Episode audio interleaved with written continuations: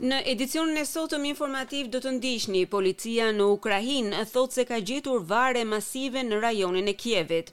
Partia Laburiste premton të krijojë një komision kombëtar kundër korrupsionit përpara fundit të vitit nëse fiton zgjedhjet federale.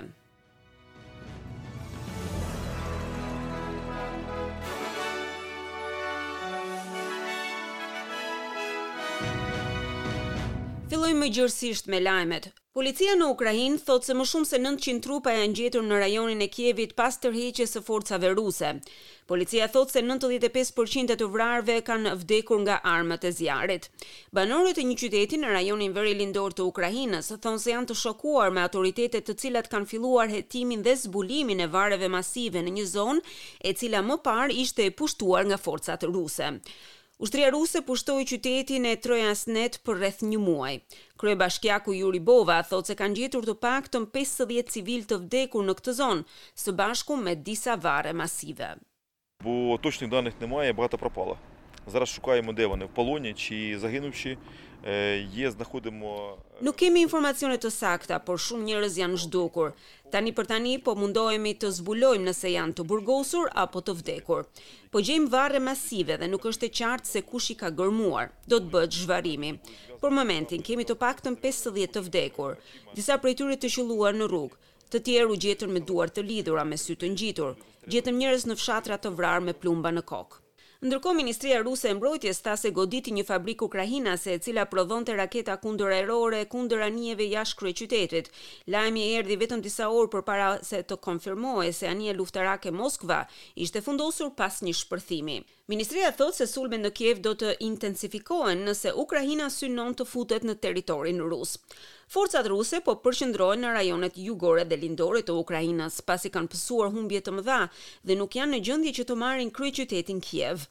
Rusia ka mohuar të ketë sulmuar civilët, duke thënë se disa raporte janë organizuar për qëllime propagandistike. Kombet e Bashkuara thanë se më shumë se pesë milionë ukrainas janë detyruar të largohen nga shtëpitë e tyre gjatë konfliktit. Ministri i Ekonomisë së Gjermanisë dëshiron që gjermanët të fillojnë të kursejnë energji për të ndihmuar vendin të bëhet i pavarur nga karburantet ruse. Robert Habeck po inkurajon gjermanët që të përdorin trenat ose biçikletat në vend të makinave sa herë që të jetë e mundur. Ai beson se është e mundur që individët të ulin konsumin e tyre energjetik me dhjetë përqind dhe thotë se punëdhënësit mund të ndihmojnë duke i lejuar njerëzit të punojnë nga shtëpia.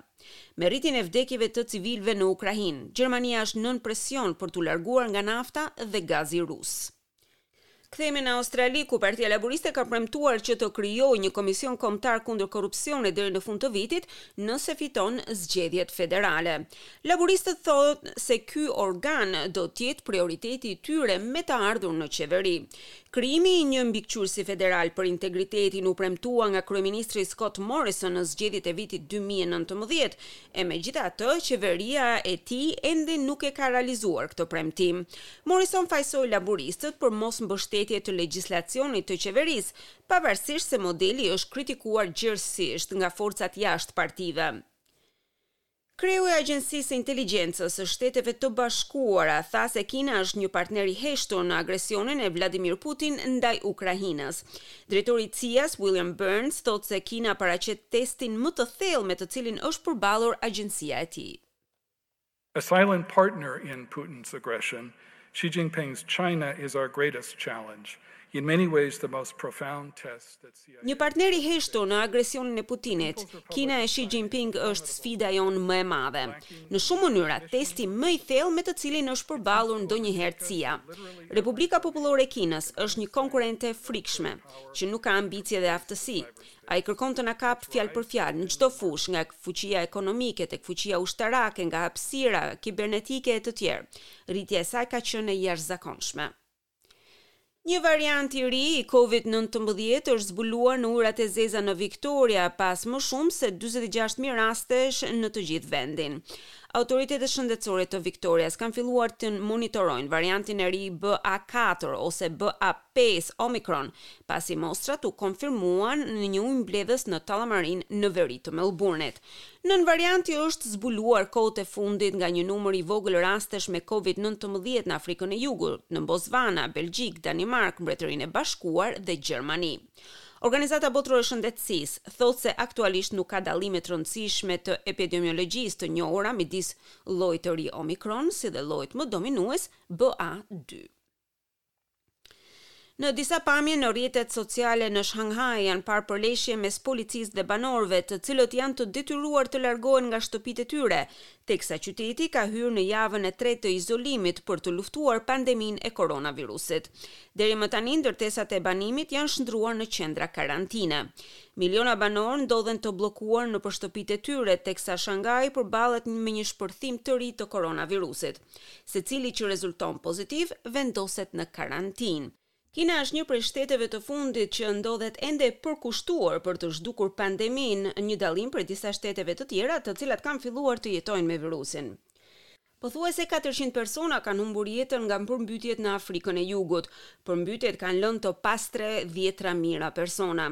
Fatkeqësia natyrore erdhi në një ditë kur të krishterët e Afrikës së Jugut shënuan të premten e mirë.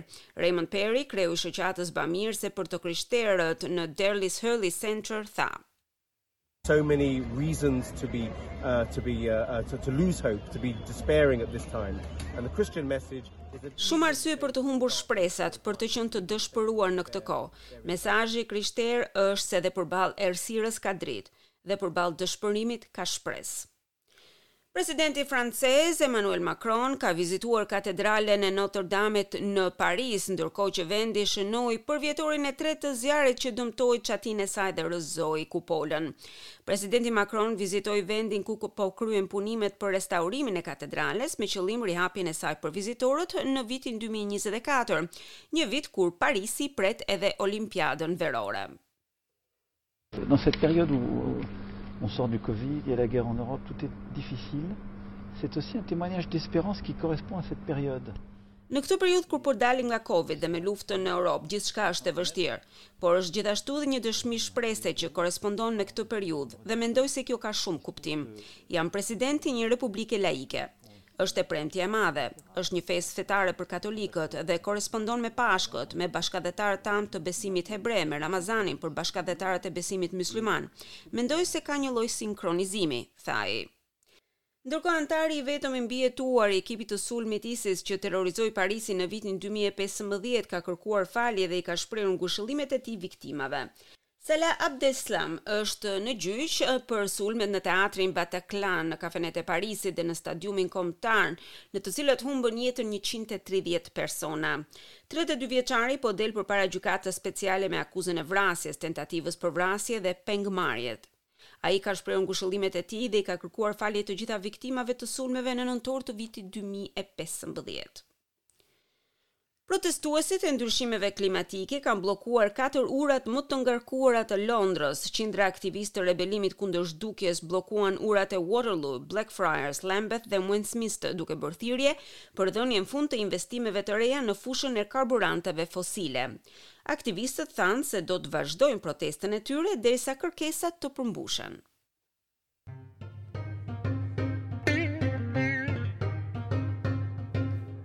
Dhe kalojmë në kursin e këmbimit të valutës australiane. Një dollar australian sot këmbehet me 82.9 lekë shqiptare, 0.68 euro, 0.74 dollar amerikan dhe 42 denar të Maqedonisë së Veriut.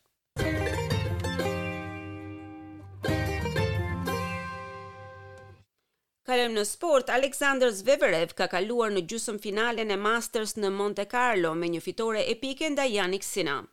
Gjermani luftoi për më shumë se tre orë me kundërshtarin e tij njëzet vjeçar, duke fituar përfundimisht pesë, shtatë, gjashtë, tre, shtatë, gjashtë. Zverev më pas do takohet me kampionin në fuqi Stefanos Tsitsipas ose me argjentinasin Diego Schwartzman.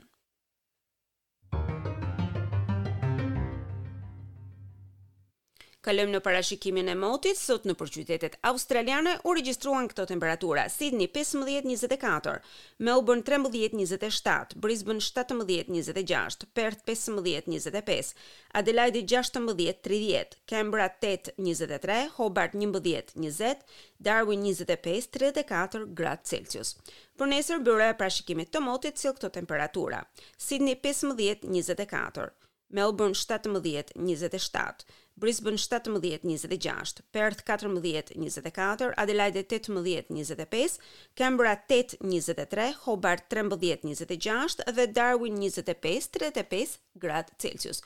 Dëgjuat edicionin informativ.